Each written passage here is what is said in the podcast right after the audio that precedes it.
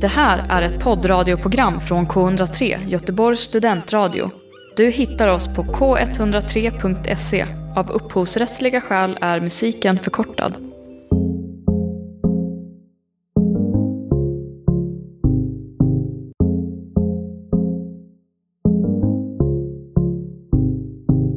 Hej och välkomna till Lustarnas trädgård, en podd på K103 Göteborgs studentradio med mig Alva Rosengren. Och mig, Amanda Ekström. Och idag, vi har lite planerat, vi ska prata om eh, Aftonbladets matartiklar. Ja, det här blir också ett, ett ytterligare ett i raden kommunistavsnitt. ja. Efterföljt av att Aftonbladet har blivit kommunister, vilket Ja, är jättehärligt. tydligen, ja. Eller ja, de kanske alltid varit, men... eh, Ja, nästan ja. Eh, ska, vi ska prata om bandning eh, och vi ska prata om, eh, Vi ska också ha lite, berätta hur vi mår, eller hur? det ska vi som vanligt. Ja. Så du kan börja, hur mår du Amanda? Ja, alltså jag är lite, lite förkyld. Mm. Och det har varit jävligt irriterande. Jag har varit arg på det. För att jag har velat träna. Ja, För att jag har köpt en pulsklocka. va? Ja, alltså jag har så roligt. Alltså jag har dolt, jag har dolt den här för dig för att du ska få se den. Titta här. Gud, alltså det är... Ja. Visst ser jag hurtig ut? Ja, också lite som ett ätstörd ut. Ja, Jag tror inte på sådana klockor. Jag tror att det är att vi människor försöker ta kontroll över något som ligger i Guds händer. Typ. ja, men du vet att jag är ju väldigt inne på att tekniken är våra vänner. Mm, Maskinerna är jag har våra vänner. Ehm, som hjälper oss att... Eh, alltså om man hanterar det på rätt sätt så är de otroliga hjälpmedel. Ja. Våra slavar utan känslor, det är ju Mm. helt fantastiskt. Ja. Eh, men i alla fall så har jag lärt mig att, nu ska vi, jag kan gå in och kolla här. För det som den gör som är inte är så kul, och någonting när jag tittar på det så vill jag nästan spy, ja. eh, är att den mäter hur stor del av dagen som jag är i resting state, Mm. relaxed state, fat burning state, cardio rate och anaerobic speed rate och extreme sport rate. ja. Eh, Hur ofta är du i extreme sport? Än så länge, jag har haft den i tre dagar nu, jag har aldrig varit där. Ehm, Mm. nej, men den mäter då hur många procent man är av de här, så är det ju då utifrån vilken puls man har. Och jag är Mm. ju i resting state, nu är den ovanligt låg. Och jag har varit i resting state 82 procent av dagen idag. Och det tycker jag känns så himla hemskt när jag kollar på det. Men du får också tänka att det är bra, för det är, liksom, det är ett tecken på att du typ inte har panikångest. Ja, det är det faktiskt. Så, Mm. tänk positivt. Ja, precis. Eh, och jag har varit 4 procent i fat burning. Så det är ju ganska bra. Eh, nej men det, och så mäter den ju också att jag har sovit nio och en halv timme idag. Men har du på dig den när du sover? Mm. Gud vad hemskt. Ja. Ja men jag har så kul, alltså jag har ju tänkt, det här är sinnessjukt, men jag har ju planerat att jag ska göra, alltså forska på mig själv. att jag ska skriva upp eh, Ja. Ja. mitt humör Mm. och sen så kommer jag kunna göra liksom diagram och så och mäta liksom hur mitt humör har varit kontra typ hur jag sovit eller hur mycket jag har gått. Ja. Sure. Det här är ungefär, kommer du ihåg när Therese Lindgren eh, hade Mm. sin hälsoperiod? Ja. Ja. Jag vet inte om det var hennes bästa period liksom. Nej, jag vet. Men, Men, eh, jag stöttar dig i allt du gör det så att, eh, ja, nej, men jag kommer eventuellt, jag tycker bara att det verkade kul. Ja. Men jag förstår att det är sinnessjukt. mm. Ehm, men det är, ja det är väldigt roligt. Jag har också typ provat att så här, Men det är också, alltså, det är väldigt mycket så antingen så är Snyggt. det väldigt influencer eller är det väldigt mycket medelålders mamma. ja exakt, jag känner mig jättevuxen. jag känner mig jättemycket som en eh, vuxen person när jag har den här. So be it. Ser du här vilken söt bild jag har? Men gud, alltså nej jag får, jag blir- får så obehagliga känslor Va? av att Du se var där. så söt! Inte. Jag har alltså en bakgrundsbild på smartwatchen så hade jag haft andra tankar men som är cool. Vad tycker du att det är obehagligt med den? Det är bara att det är en liten skärm som stirrar tillbaka på det bara God morgon Amanda! Hur mår du idag? Idag har du gått så här många steg och du har den här pulsen just nu. Ja. Och du har fettburnat så här mycket. Bara, Låt mig vara! Alltså, Ja men det här är ju liksom en av mina få vänner. Nej men så är det jag inte. kan se sånt. God morgon Amanda, idag har du fettburnat. Ja, nej men jag förstår att det inte är helt oproblematiskt såklart. Men eh, Nej, Det är men det, väldigt jag är kul. glad för dig. Du passar ändå i den med din hoodie och den där. härligt. Nej men jag tycker bara att så här. Den är billig också, 300 kronor typ. Va? Mm. Okej, nu vill jag ha. Jag trodde du kostade 3000. Nej, Jag gud var så här, nej! Vart har Amanda fått de här pengarna ifrån? Nej, alltså den var jättebillig. Mm, då kanske jag också ska köpa en. Ja, på teknik. Kan man ha den på typ sin fot? Om du inte på vill visa. Jag antar det. Eller ska man ha Mm. kanske runt halsen? Som en kjol. Så lyser den upp och säger så tiden. Klockan är 07.30. Så det är som att man själv är maskinen. Ja. Men det gjorde jag. Jag såg på en, vi, en filmanalys av robotar. Mm. Alltså film med robotar, den Disney-filmen. Eller Dreamworks-filmen. Inte sett. Såg du den? Kanske ska Va? se då. Den var jättekänd när vi var små. Okej, ja. Hur kan du inte ha sett den? Va? Jag ska googla på det här. Alltså, Ehm, fantastisk. Också väldigt så, smått kommunistiskt. Är det, gör de uppror typ eller? Nej men det är liksom robotar. Alltså det är ett samhälle Ah, är där alla är robotar. Uh, han här har alltid äcklat mig. Ja det är det. Jag har inte velat se den här, jag tyckte den verkar äcklig. Mm, Alltså det är ju nu, jag har ju omfamnat maskinen nu, det gjorde jag inte när jag var liten. nej. Men den är jättegullig för de bygger en liten robotbebis. Och du vet såhär, de bara “We're gonna make a baby” och då är det typ att de beställer hem delar och så bygger de sin egna robotbebis. Ja. Och så är det liksom såhär, du vet klass presenteras i den som att de fattigare familjerna får liksom beställa second hand-delar till sina bebisar medan de rika familjerna Ja. får nya delar. Mm. Och sen är det hela så här poängen i filmen är att någon, någon superrik företagare, liksom, de som producerar alla delar i alla Mm. delar som robotar behöver, för de behöver hela tiden så här, du vet, rustas upp, sluta producera gamla delar och bara producera nya, så man Mm. tvingas köpa nya. Jag tänker Mm. att det har att göra med typ eh, sjukvård, Ja, en analys för det. Så kul film, så bra. Jag absolut. såg inte själva filmen så jag vet inte om den är så bra, men kul analys i alla fall som Ja, jag såg ja. på. Mm. Eh, Det var Mikes Mike som jag tittade på, så ni kan gå och titta på den analysen Mm. om ni vill. Ja. ja, nej men. Eh, ja. Ja. Det finns mycket att säga om eh, Robotar. robotar ja. Mm. Och vi kommer bara prata mer och mer om det. Ja. Tyvärr. Alltså inte du och jag nödvändigtvis, eller jo det tror jag för att jag är väldigt inne på det här med. Alltså du anammade verkligen och jag får typ ångest av alla robotar. Ja. Men man måste ju göra så va? Mm, It's what you make of it. möjligtvis. Ja, nu ska jag se om jag har skrivit upp något mer här. Ja, jag har ju tenta imorgon bitti. Usch! Eh, Alltså tänk att jag inte, jag har pluggat ett år nu och jag har inte haft en enda tenta på det här plugget. jag har fan Jag pluggat har bara i haft fyra uppsatser. år och jag har haft typ en tenta tidigare. Så att, eh, Va? ja. Men det har varit corona. samma, aha, okej, ja. Men ändå. Eh, nej men jag har provat en ny, på tal om AI då, en ny eh, metod. Som är Mm. att vi har gamla tentafrågor. Ja. Eh, som vi, och jag, plugg, mitt pluggsätt är det helt enkelt att ja, jag kan svara på de här frågorna, de gamla tentorna så kommer det väl Mm. gå ganska bra. Då har jag gjort så här att jag har låtit ChatGPT svara på frågorna. Och så har jag bara pluggat in Aha. dem. Så jag slipper jättemycket av arbetet. Men det är ju oftast inte gamla frågor, eller? Jo, eh, jo, ganska mycket.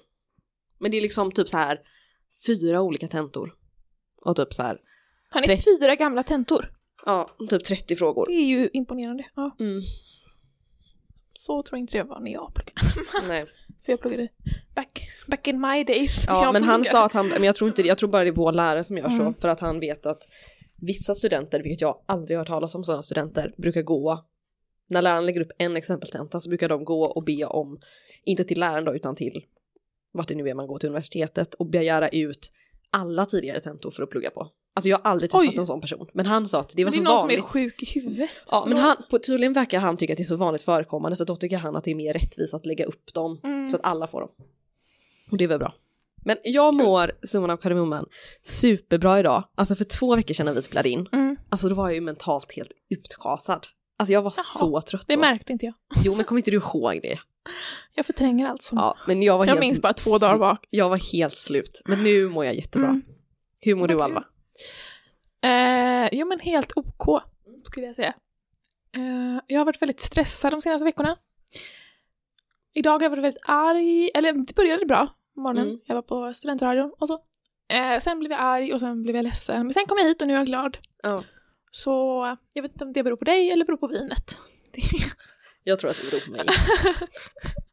ja, det gör det nog. Eh, nej men annars, eh, Och för att vi har ätit jordgubbar doppade i choklad. ja definitivt det. Eh, men jag var på den här, du vet vi har ju gått förbi på Andra Lång har vi gått förbi den här baren. Burleskbaren. Ja, som har varit stängd har du jättelänge. varit där? Jag var där i veckan. Wow. Det var väldigt tomt. Okej. Men de killarna som var där var jättebenägna att prata. Det var inte de så roliga att prata med. Men Jaha, men det var vadå? kul att de ville prata. Men vadå? Jag fattar det, det står också typ så här this is not a strip club. Ja, ja, för att det var en strippklubb där förut. För länge sedan måste det ha varit då. Ja, alltså stripp, den här lilla scenen är ju kvar liksom. Ja okej. Där Mm. inne. Mm. Och det är väldigt mycket strippklubb-aura. Okej. Liksom. Av en burlesk-aura. Ja. Eh, men det var jättetrevligt. Och de som jobbar där var jättetrevliga. Mm. Och det var inga strippor. Nej. Så jag rekommenderar alla att gå dit. Ja, vad kul. Mm. Jag hade kul. Mm. Och jag fick några jättefina foton på mig därifrån. Så att, eh, vad bra. Det mådde jag bra av. Eh, alltså jag vet ju aldrig vad jag har gjort. Det känns som att jag inte gör någonting. Jag pluggar. Jag har mejlat mycket. Alltså jag skickar så mycket mejl. Ja. Jag har hittat en lägenhet som sagt. Mm. För i sommar. Mm. I ett torn. Ja, ton i Uddevalla. Alltså alla rum som är runda gör mig väldigt lycklig. Så att Ja. eh, då kommer jag sitta där i mitt torn och titta ut över Uddevalla. Mm. Och må jättebra. Mm. Tror jag.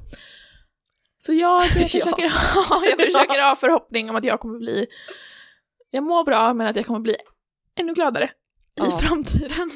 Ja, men det är det hoppet man lever på. Mm. Eh, vi har varit i Stockholm också sen sist. Ja, just det. Det hade jag Med, helt glömt. eh, Jag bara så, vad har jag gjort? Ja, med eh, SRS, Sveriges Mm. studentradiostationer. Alltså det Ja. var väldigt kul. Det var det. Vi har spenderat jättemycket tid tillsammans. Ja. Och på tågvägen hem så trodde jag alla skulle hata oss för vi bara satt och typ skrattade som att vi Ja. typ gick i femman. Nej men verkligen, det var... Men vi, ja. Det var... Absolut. ja. Nej men... ehm, Men det var en väldigt bra helg, tyckte jag. Det var, Mm. eh, det var kul att se Stockholm och jag... Alla säger att stockholmare är så stressade hela tiden. ja. Ska göra så mycket. Jag kom dit, alla gick så jävla långsamt. Mm. Alltså överallt så bara promenera folk som om de... Alltså, som om de var 80 typ. ja, men som om de var på semester och var pensionärer. Alltså förlåt. De var bara, men jättelångsamma. snälla rör på er. Man fick liksom vara så här köra slalom mellan människor Ja. för att komma fram. Och då var vi ändå ganska centralt. Ja, vi gick på Så- Söder, på en gata på Söder. Mm, det är besviken. Ja. Jag tror att jag äntligen skulle slippa vara arg på folk som går långsamt. ja. Men nej. ja. Eh, Och Stock- de stockholmare vi träffade var också supertrevliga. ja. Fast de... Men nästan lite väl trevligt att jag trodde att de bara skämtade.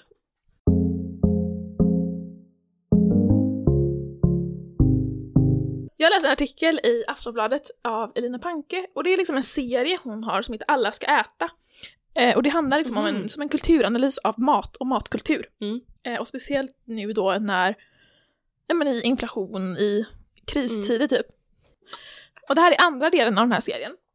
Eh, och den fokuserar då på Sverige och den fokuserar på Hello Fresh. Eh, och det hon skriver i den då, hon har ju liksom träffat folk som jobbar på Hello Freshs eh, ja men eh, Lager. typ. lager typ, där de packar de här matpåsarna. Eller Mm. matkassarna. Och HelloFresh är... HelloFresh är liksom ett, ja, då har väl de flesta nog hört om det, men det är liksom ett bolag som skickar matkassar där det är, du får liksom recept för hela veckan typ. Mm. Eh, och du får det i de, den, det antal portioner du har valt och du får det enligt dina preferenser.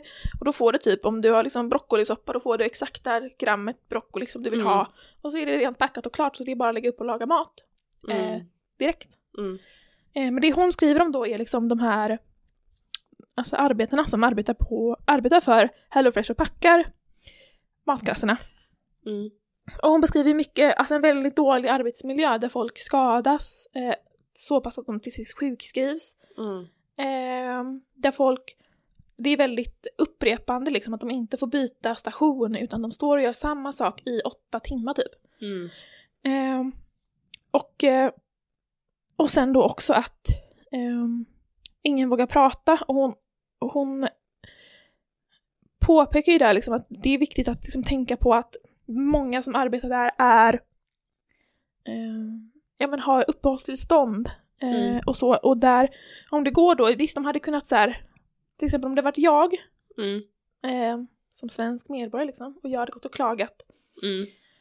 Då hade jag ändå haft något skydd liksom. Men när du är i den situationen att du liksom har ett uppehållstillstånd och du vet inte så här, du, det krävs kanske att du har, arbets, har ett arbete, då är det inte lika lätt att gå och klaga för du Nej. riskerar att förlora jobbet. Och då du riskerar liksom- man att eh, Ja, åka, behöva åka tillbaka till sitt... Eh, ja så det hemland, skapar liksom en miljö där det är lättare för de här företaget, HelloFresh i det här fallet, att, eh, jag menar, att bete sig på det här sättet. Och jag började, tänka, jag började tänka specifikt på det här för att när den här artikeln kom upp, jag såg den i mitt Twitterflöde, Mm. och då var det någon som hade liksom tweetat den och sen kommenterat en kommentar om den mm. som var jättebra liksom, det var en jättebra artikel, men varför var så himla så här moral, typ moralkärring om, om att ha eller inte ha HelloFresh. Ja. För att den här personen uppfattade då att eh, ja, men i artikeln så skriver ju hon om eh, om de här familjerna som har HelloFresh, att det är Mm. så här, "Åh, det är bara för att de inte orkar gå till affären Mm. typ. Ja, men det uppfattade jag också lite när jag Mm. läste artikeln. Alltså, men jag tänker att det inte är skrivet på den meningen. Alltså jag, Nej. det jag uppfattar det som är att det liksom eh, lyfter en fråga om även så här, den övre medelklassen typ som har HelloFresh då. Mm. Eh, att alltså det, just nu är vi i ett läge där det är svårare för medelklassen också. Mm. Alltså priserna påverkar ju alla. mm. Det är ju det man säger att liksom medelklassen har kunnat leva som överklassen under en tid och nu kan de inte det. Mm. Eh, och det här är liksom poängen med att man kanske inte... Jag tror att många som väljer att ha HelloFresh inte har tid att, Ja. att göra det. Alltså så här, att ställa sig vid i köket, att planera liksom. Mm. Alltså för många behöver jobba liksom så många timmar och sen komma hem och sen ska man ta hand om barn och familj mm. och då blir det väldigt mycket mer värt att ta HelloFresh. Ja exakt, nej men jag tyckte också att jag tyckte också att jag läste en sån ton lite grann Mm. av att det är samma sak som att inte orka städa eller någonting. Men så här, Mm. själva idén i sig är väl superpraktisk att att man just för att till exempel minska miljösvinnet, alltså man tar bort och tänker att så här, det var bra arbetsvillkor för de som jobbade med det så är det ju Mm. verkligen tidseffektivt att någon kan mäta upp och väga så ingenting slängs. Det går Mm. snabbare för alla, man får ändå hemlagad mat. Mm. Det är ju en superbra affärsidé. Ja. Det borde inte behövas att arbetarna har så låg lön ens för att affärsidén är ändå väldigt bra. Liksom. Men ett annat, alltså, en annan sak som lyftes i artikeln var ju liksom att det slängs ju mat. Alltså det är ju Mm. mat som inte går att använda och den får inte ens arbetarna ta med. Jaha, Alltså flera av mm. de här arbetarna i intervjuerna var ju så här, ah, sen går jag hem och äter liksom ett, en frysmåltid. Mm. Eh, men samtidigt så vet jag att vi har slängt alltså saker som har gått Ja. ut Mm. som vi inte kan använda. Så det blir ju liksom inte så att det är inget svinn. Nej, men det är liksom en nej, precis. marknadsföring. Men det vet, man kan ju inte veta om det hade varit mer svinn ändå kanske om alla hade handlat som vanligt eventuellt. Nej. Det vet man ju inte. Men, eh, Nej, det kan man inte veta. men, Men i idén i, fall- sig i alla fall är ju väldigt bra. Det är den, men jag, fast jag vet inte, för det jag tänkte på var, jag började tänka på mat som koncept och mat i liksom andra kulturer. Mm. Där, i väldigt många kulturer, alltså nu sitter jag här som en, liksom en vit svensk person så nu ska jag Mm. inte liksom säga något för stereotypa, men jag menar Ja. bara att det finns ändå, som jag uppfattar det, en kultur på an, i andra länder där eh, middagen eller måltider är liksom en plats att samlas Mm. eh, och även matlagningen är en plats att samlas. Mm. Att man, liksom, man lagar maten tillsammans, man umgås Mm. under själva matlagningen. Och det är även med familjer liksom. Mm. Eh, men att det känns inte som att här har vi det och jag tänker att så här, det är därför man ser själva så här att planera och laga en måltid som så himla så här slöseri typ. Att man så här väljer att outsourca den till andra personer som packar ma- mål, eh, matkassar och så. För att det inte är den, jag vet inte vad det beror på men jag tänker bara så här. Jag tänker men typ jag när jag har sett så här min, eh, eller när jag var liten och såg min mormor och morfar typ laga mat. Och då var det min mormor stod mycket i köket, Mm. men typ min morfar höll på med köttet och det var ju ändå så här, det var ett samarbete Mm. under, alltså det finns något fint i det. Men det är det jag tänker man jag- får med de här, alltså för då får man ju, om man inte har tid till att göra det hela vägen och liksom gå till mataffären allting liksom. Mm. Men istället för att bara få hem, beställa från Foodora liksom, så kan man däremot ändå stå och laga maten själv. Man kan stå och faktiskt vara typ så ja men hjälpa med sitt barn och vara så ja nu ska du hälla i den här osten som är färdig mätt liksom. Alltså det är jättepraktiskt. Det är som ett mellanting tänker jag. Nej men jag vet inte om jag tycker det. Jag tänker att sen när du får, alltså, Det får hem det, då blir det bara som en så här tjoff tjoff tjoff. Det blir liksom som en matteformel. Istället för matlagning som så här nu lägger vi lite av den här kryddan så smakar vi och så tänker vi smakar det gott, vad tycker du, smakar det här gott? Nu lägger vi lite mer av den här, vad vill vi ha till det här? Alltså hela den.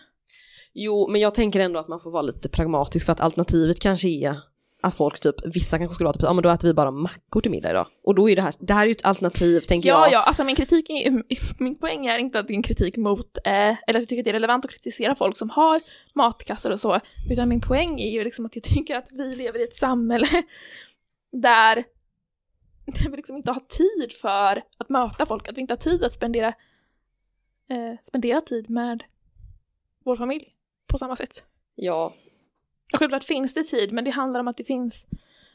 Jag tror att det finns så himla mycket saker som har tillagts i vårt liv de senaste ja, 10, Mm. 15, 20 åren som gör att vi liksom har mindre tid. Eller vi har samma tid, men vi har fler saker som vi behöver lägga den tiden på. mm. Ta bara så här hur mycket vi, tillgång vi har till sociala medier, till tv, till Mm. och så.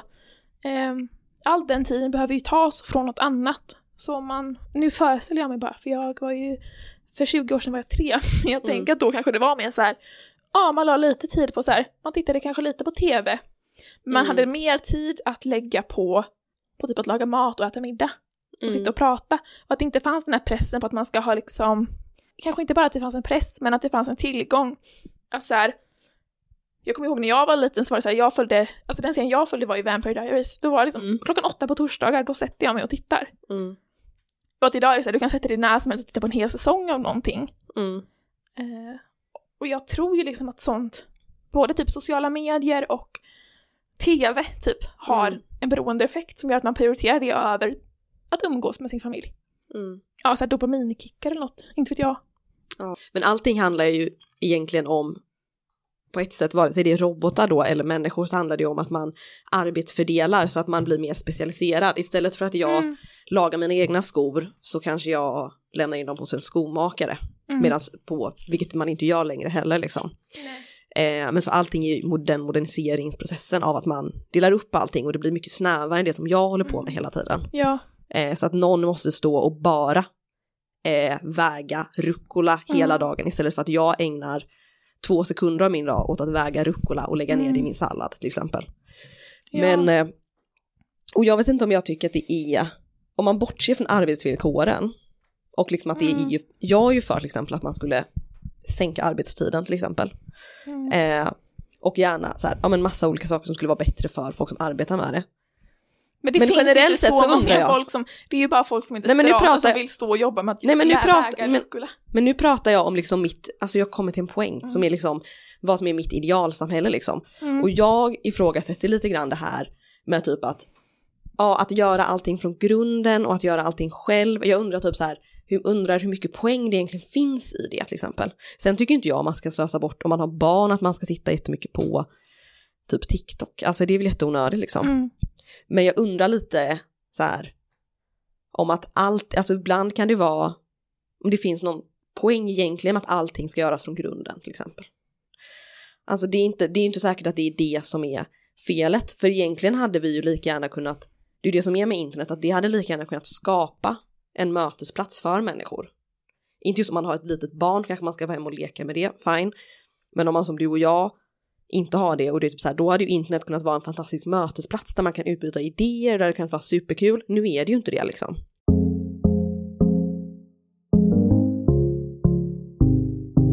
Ska vi prata om eh, majblomman? Ja, har du sett han som har sålt för typ 4 miljoner? Ja, Alltså jag vet inte exakt mycket han har sålt för, för det har varit olika siffror på alla jag se. tidningar. Ja, är det inte också att det har typ ökat? Alltså sen har han sålt Ja. för typ så här 5 miljoner. Eh, ska se, vad är det han heter? Eh, Murhaf heter Ja. han. Nu ska jag läsa. 12-åringen slår rekord.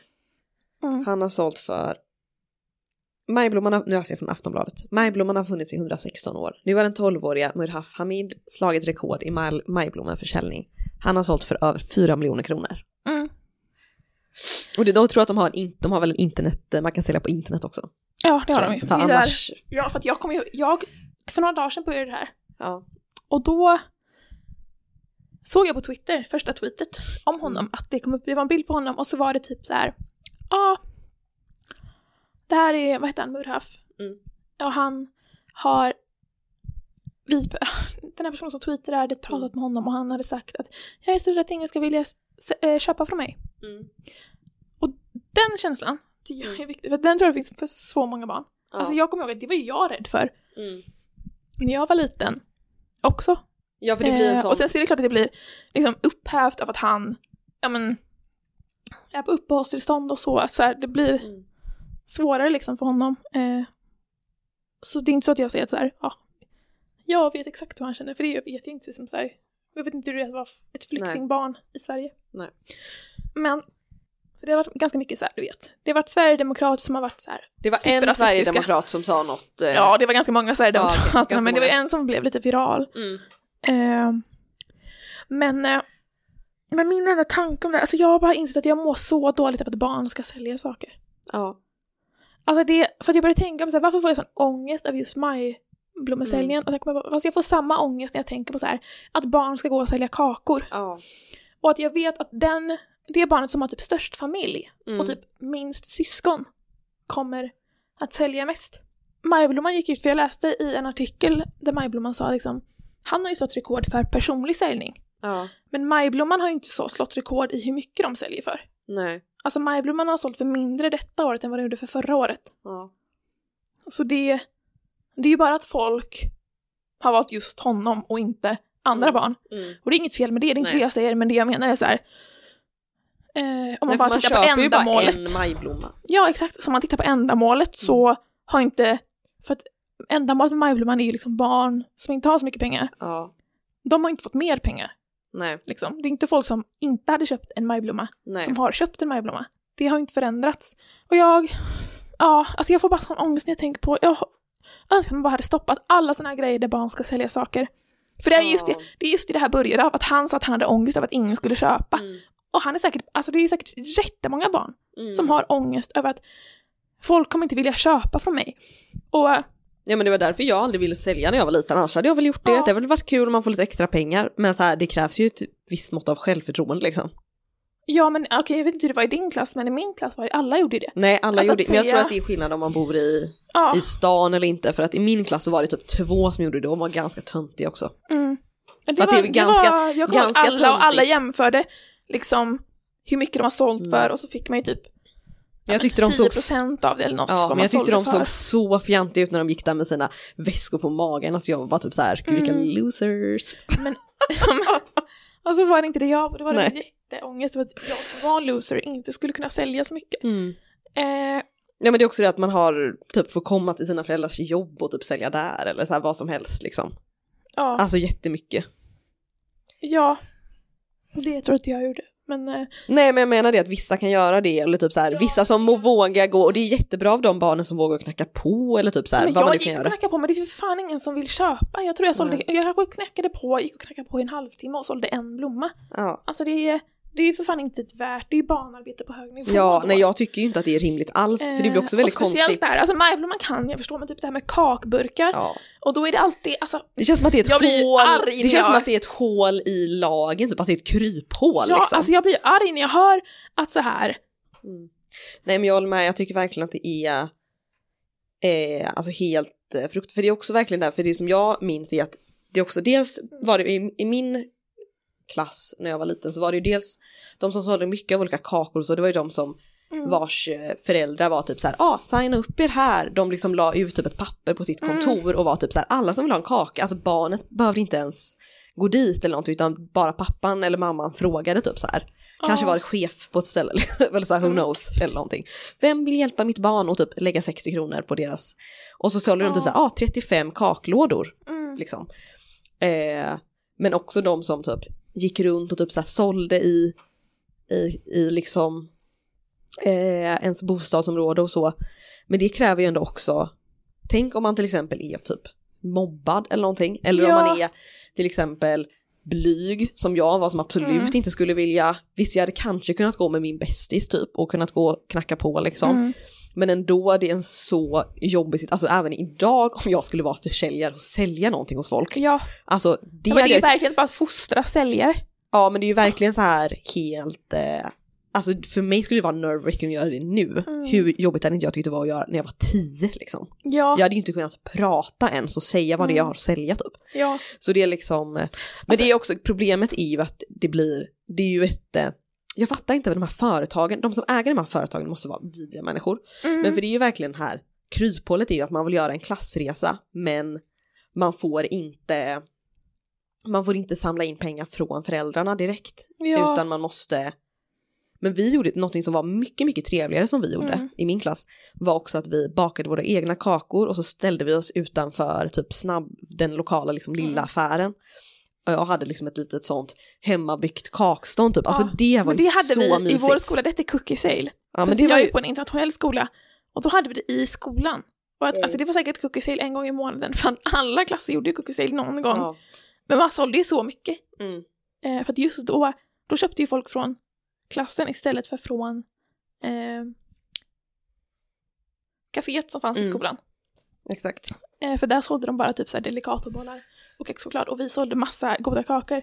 Och det, det är ju jättebra, alltså det tycker jag är en så bra idé. För det första får barn Men det är mycket mer så här, det är kul. men det är också mycket mer typ så här, inte bara att ett företag där vuxna människor ska Mm. tjäna pengar på det, det liksom blir inte den här att den, man bara får liksom en Mm. liten procent. Det är så mycket mer Ja, moraliskt tycker hederligt också att att det låta barn här- göra Det är så, ba- vill du baka så använder sig för att baka och det är några som bakar. Eh, och sen kommer jag ihåg också att om man inte kunde baka, till exempel om man inte hade så här, Mm. Det här är för tid att vi, baka med sina när familjer. vi är på klassföräldramöten i framtiden. Alltså vi kommer ju vara sådana som sitter och Men det tycker jag är ett bra föräldraskap att göra. Ja, Men i alla fall det jag verkligen. menar var, jag kommer ihåg att om man inte bakade så kunde man vara och stå i kassan. Mm. Nej, eller stå i kassan, Ja. alltså stå och sälja och det är ju jättekul. Alltså tänk de barnen som kanske inte har deras föräldrar kanske inte har råd att köpa för att baka kladdkaka till barn. Alltså så här, då kan de bara barnen stå en halvtimme på Mm. lunchrasten och Ja. sälja. Och då, även när de står och säljer så var ju alla andra barn där, så det var jättekul att stå Mm. och sälja. Det är ett jätte Mm. så här, interaktivt, socialt engagemang för Mm. barn att tjäna ihop lite pengar för att gå och åka på en klassresa. Mm. Kan man, ha, ja. Mycket bättre än de här Verkligen. vidriga, vidriga företagen som, alltså om jag någonsin träffar en person och ha, han, jag tror att det är män, men även kvinnor, men som säger typ så här, ja jag jobbar på New Body typ, som utvecklare eller någonting, alltså jag hade typ slagit den människan. Alltså hur kan man vara så dum i huvudet liksom? ja.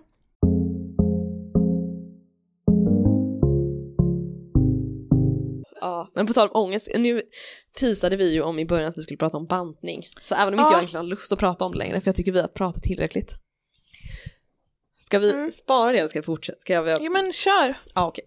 Nej men det är egentligen, det här var någonting jag ville prata om flera veckor sedan så att nu är det Mm. old news. Men du har inte vågat prata om det. Nej, jag glömt bort det. Förra veckan hade jag tänkt prata om det men då hade jag ju glömt bort det. Jag kom på det sen när jag kom hem och var bara Ja. typ såhär, fan det här, fan jag hade ju ingenting att prata om idag men det här hade jag ju tänkt jag skulle prata om. Ja. Jag hade glömt bort det. Ehm, men i alla fall, att eh, i offentligheten så är det bara män som får prata om att de bantar. Ja. Eh, för jag hade ju min spaning i, i början av året. Där Mm. jag har blivit väldigt påverkad av eh, Filip Hammar och K. Svensson. Mm. Och deras extrema dieter. Så att jag Ja. också ville äta en, inte riktigt lika, men jo det blev en ganska extrem diet. Eh, Mm. av nyttigheter. Ehm, Av havregryn, Ja, men som gjorde att jag gick eh, upp i vikt för att det var ju, det var ju lite mer kalorier än vad jag trodde i de där. Så att det, det, men jag tror att jag är hälsosammare men jag väger mer. Men eh, ja, ja. Ja. Så att det hade ju inte den effekten på mig just. Men ehm, i alla fall så lyssnade jag också på Ivar Arpi. Mm. I, Äter han också bara kall gröt? nej, men han äter väldigt lite. Eh, Just det, jag såg, han gick ju på en sån här köttdiet. ja men precis, det var, det var i samband med det. kött. Det var i samband med den att han hade provat en köttdiet i en vecka. Ja. Eh, som han intervjuade någon, nu kommer jag inte ihåg vad han heter. Jag kanske kollar upp det sen, who Mm. knows, men jag orkar inte kolla upp det just nu. Eh, han intervjuade någon som, jobb, som var journalist som hade skrivit om, han hade skrivit en artikel, men har jag pratat om det här? Nej, Nej, jag har inte pratat. Men hade skrivit en artikel om, det. i om att eh, tjocka människor lever liksom i ett alternativt universum för att man blir jo, det behandlad. har du pratat om. Har jag pratat om det Den också i podden? I podden har jag pratat om det också. Kanske. Jag tror jag Ah. pratade om det i podden. Eh, I alla fall så pratade han ju om att tjocka människor lever som en separat värld, liksom för att man blir behandlad, ingen tar den på allvar, Ja. ingen tror att, alla tror att man är korkad, typ så. Mm. Ehm, och då är det liksom, ja, alltså mer tjocka än du och jag är, tänker jag. Ja, okej, vi är bara halvtjocka. Ja, jag hoppas i alla fall. Vi lever liksom i limbo. Ja, exakt. Nej men jag tror att dels tror jag att så här, det är klart att jag blir säkert, hade varit annorlunda behandlad om jag var smalare, eller det Ja. vet jag, men jag, jag tror inte att jag är behandlad riktigt på det sättet som han beskriver. Nej. Mm. Eh, där i alla fall. Nej. Men, eh, ehm, men då så pratade de om vikt i det här avsnittet av Ivar Mm. Arpis podd. Eh, en, rak höger, en, en rak höger. Mm. Ehm, och, men då så handlade, dels tyckte jag det handlade, var intressant för att Ivar Arpi tog upp just det här med köttdieten, att han hade blivit, det var någon, eh, det var det på var det Svenska Dagbladet kanske, mm. men någon i alla fall, en redaktör som var typ så här, men gud det vore jättekul om någon av våra medarbetare kunde göra den här dieten. Mm. Var inte liksom- det kvartal? Ja, jag vet inte. Nej jag tror inte att det var Var det kvartal. Nej, för att det, det var något som ändå var lite annat. Eh, och eh, i alla fall så var det typ så här, men så var det en journalist som hade sagt nej, en tjej Mm. tror jag. Och sen så fick eh, eh, Ivar Arpi frågan, typ så här, kan du göra den här köttdieten? Och han tyckte ju ändå att det var lite konstigt att så här, när de, för när de frågar kvinnan så tror jag att de var lite mer typ så här, ah, skulle det här kännas okej för dig typ? Men när de frågar mannen så var det typ så här, absolut inga problem för honom att typ gå på en helt sjuk diet i en vecka Mm. såklart. Eh, medans, eh, så det reagerade han på lite grann, men han provade ju den i alla fall. Mm. Eh, och han berättade också typ att så här, så som han äter nu Ivar Arpi, vilket det här skulle aldrig en kvinna kunna berätta. Att Mm. till exempel om han inte tränar en dag så kanske han hoppar över middagen till exempel. Alltså ingen kvinna hade kunnat berätta det. Nej. Eh, mm, för det berättade, min syster berättade till exempel att hon hade läst en nyhet för, för någon månad sedan kanske om Loreen, när hon vann Melodifestivalen Mm. så hade hon varit intervjuad av Lilla Aktuellt och då hade hon Mm. sagt typ så här, då hade hon fått frågan, ah, vad ska du göra nu när du har vunnit typ? Och då var hennes svar så här, äta pasta, för det har inte jag kunnat göra på hela den här tiden. Och då var det jättemånga föräldrar som blev väldigt arga, vilket jag Ja. förstår för att det är till barn just. Mm. Eh, men det är ändå just det att det är väldigt, eh, ja, det är ju den Mm. liksom balansgången. Just när det är till barn kanske det, då tycker jag att man absolut inte ska säga sånt. Men i allmänhet liksom. Ja. Eh, men i alla fall så eh, har jag tänkt på det att det är väldigt, alltså kvinnor kan, för jag har lyssnat också mycket på typ, till exempel Elsa Billgren och Sofia Woods podd Mm. och även Fredagspodden med Hanna och Amanda. Och de pratar ju en del om typ så här mat och sånt, men det är absolut aldrig att någon skulle berätta någonting sånt liksom. Eller så här, Nej. det är liksom, de vet Men man också att vet det, ju att de gör Ja, och det är väldigt, lika mycket som jag vet att jag gör det ibland och du gör det. Alltså så här. ja, Nej men jag tycker att det är, och jag tycker bara det är intressant att nu kan män göra det, men antagligen kommer män inte heller kunna göra det i framtiden. men det, alltså jag, nu, Och jag vet inte om det är bra eller dåligt. Jag vet inte, men det jag tror är att det handlar om att män inte har insikt om sina ätstörningar. Nej men jag tror att det kommer komma om tio år eller någonting. Alltså jag jo, tror jo, bara att, men jag tycker just nu så har de inte det. nej, Alltså så här, och det är tycker jag, inte bara kända män, utan jag tycker att män som jag träffar i vardagen är så här, nu äter jag bara så här, typ nu har inte jag smör på mitt knäckebröd och inte ost heller, jag äter bara mitt knäckebröd med typ en gurkskiva på. Man mm. bara okej, och det Men jag är tror alla inte män, ätstört, eh, eller va? alla män, eh, är många män som jag har känt genom livet, Ja, eller genom livet, i min vuxna liv. ja, i mitt De har varit i mitt datingliv. De har absolut, alltså jag har ju ofta pratat med mat om Mm. män som jag har dejtat. Eh, Ja, jag och då har jag ju fått, dels har jag fått, jag blir så jävla irriterad för att det har alltid Mm. varit, alltså jag tror att jag har dejtat ganska många som har typ gått ner i vikt, alltså viktpendlar lite. Ja, Men i alla fall så har jag fått typ dels fått lite bantningstips typ, vilket jag inte tycker faktiskt att man ska faktiskt inte ge det till tjejer. Nej, det känns ju hemskt. Eh, väldigt förnedrande ju. Ja. Men eh, eh, det kanske vi får klippa bort att jag har fått. Nej, jag har inte fått det på det sättet. Nej, Men men typ, eh, i alla fall. inte av läkare, det är bara Tinder-snubbar. Ja, exakt. Nej, usch, vad hemskt. Nej men det, inte, det låter ju Nej, i, värre än vad det är men det är också ganska illa så att. Men, Men jag tror eh, det, alltså det är väldigt, på sociala medier när man, lär, eller så när man hör om tjejer som är på typ Tinder så verkar det väldigt, väldigt vanligt att män kommenterar vad folk äter. ja, men absolut inte fått det i någon Tinder, alltså en konversation utan det hade varit Nej. personer jag träffat. Ja. Men i alla fall eh, eh, så tror jag att jag har träffat många män som visst haft insikt om att de har, är lite ätstörda. jo men det är när man säger så här, det är när man säger till dem på lite skämt så här. inte det lite ätstört? Nej, bara, nej, nej, men de, Kanske. de vet om det. Men de, bry, de tar inte det på samma allvar som en kvinna gör. Nej men jag tror inte de kanske är riktigt... Nej. Men jag tror också, ja, nej. Men det kanske kommer liksom om några år. Jag vet inte. Eller så bara bryr de sig inte. Ja. Ja, men för jag tänker det måste ändå vara så att kvinnor har bantat sedan 50-talet, män har ju inte bantat sedan 50-talet som grupp liksom. Nej. Så att det har ändå utvecklats för att jag kan Men tänka är det att, inte att de inte kallar det för bantning? Att de är så, jag äter det här just nu. Jag äter Mm. inte det här, men de säger inte jag bantar. nej men de håller ju på mer med det med typ pulsklockor kan jag tänka mig. Ja. Och mäta och vara typ så här bla bla bla. Mm. Men det som jag tyckte var intressant ändå i det här, det Ivar Arpi-avsnittet, så var det ju att de ändå pratar om att i vår tid så Mm. är det ju väldigt svårt att ha i alla fall hälsosam inställning till mat. Ja. För att vi, våra hjärnor är ju verkligen anpassade till Mm. eh, att vilja ha det söta och det liksom så här äta Mm. mer liksom. Eh, så att på något sätt så kanske man ändå måste, men jag, jag tror inte att rätt väg är att man ska ha jättemycket olika dieter utan jag tror snarare typ att så här äta, ha middagen, men som vi pratade om innan, ha middagen som en samlingspunkt som är lugn, Mm. laga mat, på ett sätt det kanske är just laga Mm. maten, att man får mycket mer av en då får man ju en hel liksom bild av det. Ja. Att liksom det blir lite eh, ja, alltså någonting med att man kan få lite mer det här mindful, att man ändå är medveten om vad man äter och kan känna efter när man är Mm. mätt typ. Ja. Men det är väldigt eh, svårt. Ja, det är det. Och jag tänker, Speciellt om man har ändå börjat banta ja. och har fått en känslomässig...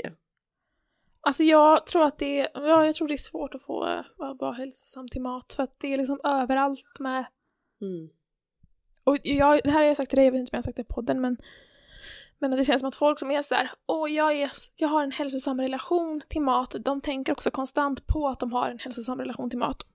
Och då känns det som såhär, är den så hälsosam Nej, sam, om du så här varje dag tänker för dig själv, jag har en hälsosam relation till mat. Nej visst, absolut, det är en här, obsession det är ju- också. Om du är tvungen att typ meditera in det så är du inte, då Ja. har du inte det. För att Nej. en, hälsosam relation, en hälsosam relation ska komma naturligt. Mm. Men så blir jag så här, Men det är kanske är omöjligt. Typ. Ja, det är kanske om, alltså så för jag kan inte titta på någon tid i mänskligheten där det har skett.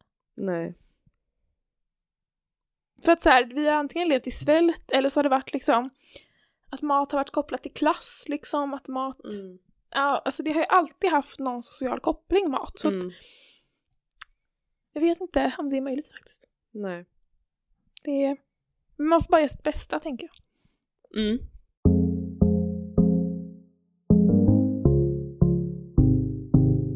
Det var lyssnat på Lusternas trädgård eh, med mig, Alva Rosengren.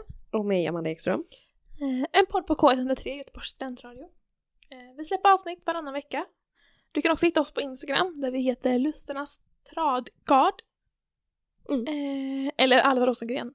Eller Amanda Ekström. Du får välja själv. Vi är tillbaka, ja varannan vecka är vi tillbaka. Mm. Tack för idag. Tack och hej. Ha det så bra. Puss! Du har hört en poddradioversion av ett program från K103. Alla våra program hittar du på k103.se. Följ oss gärna på Facebook eller på Instagram. Vi hörs!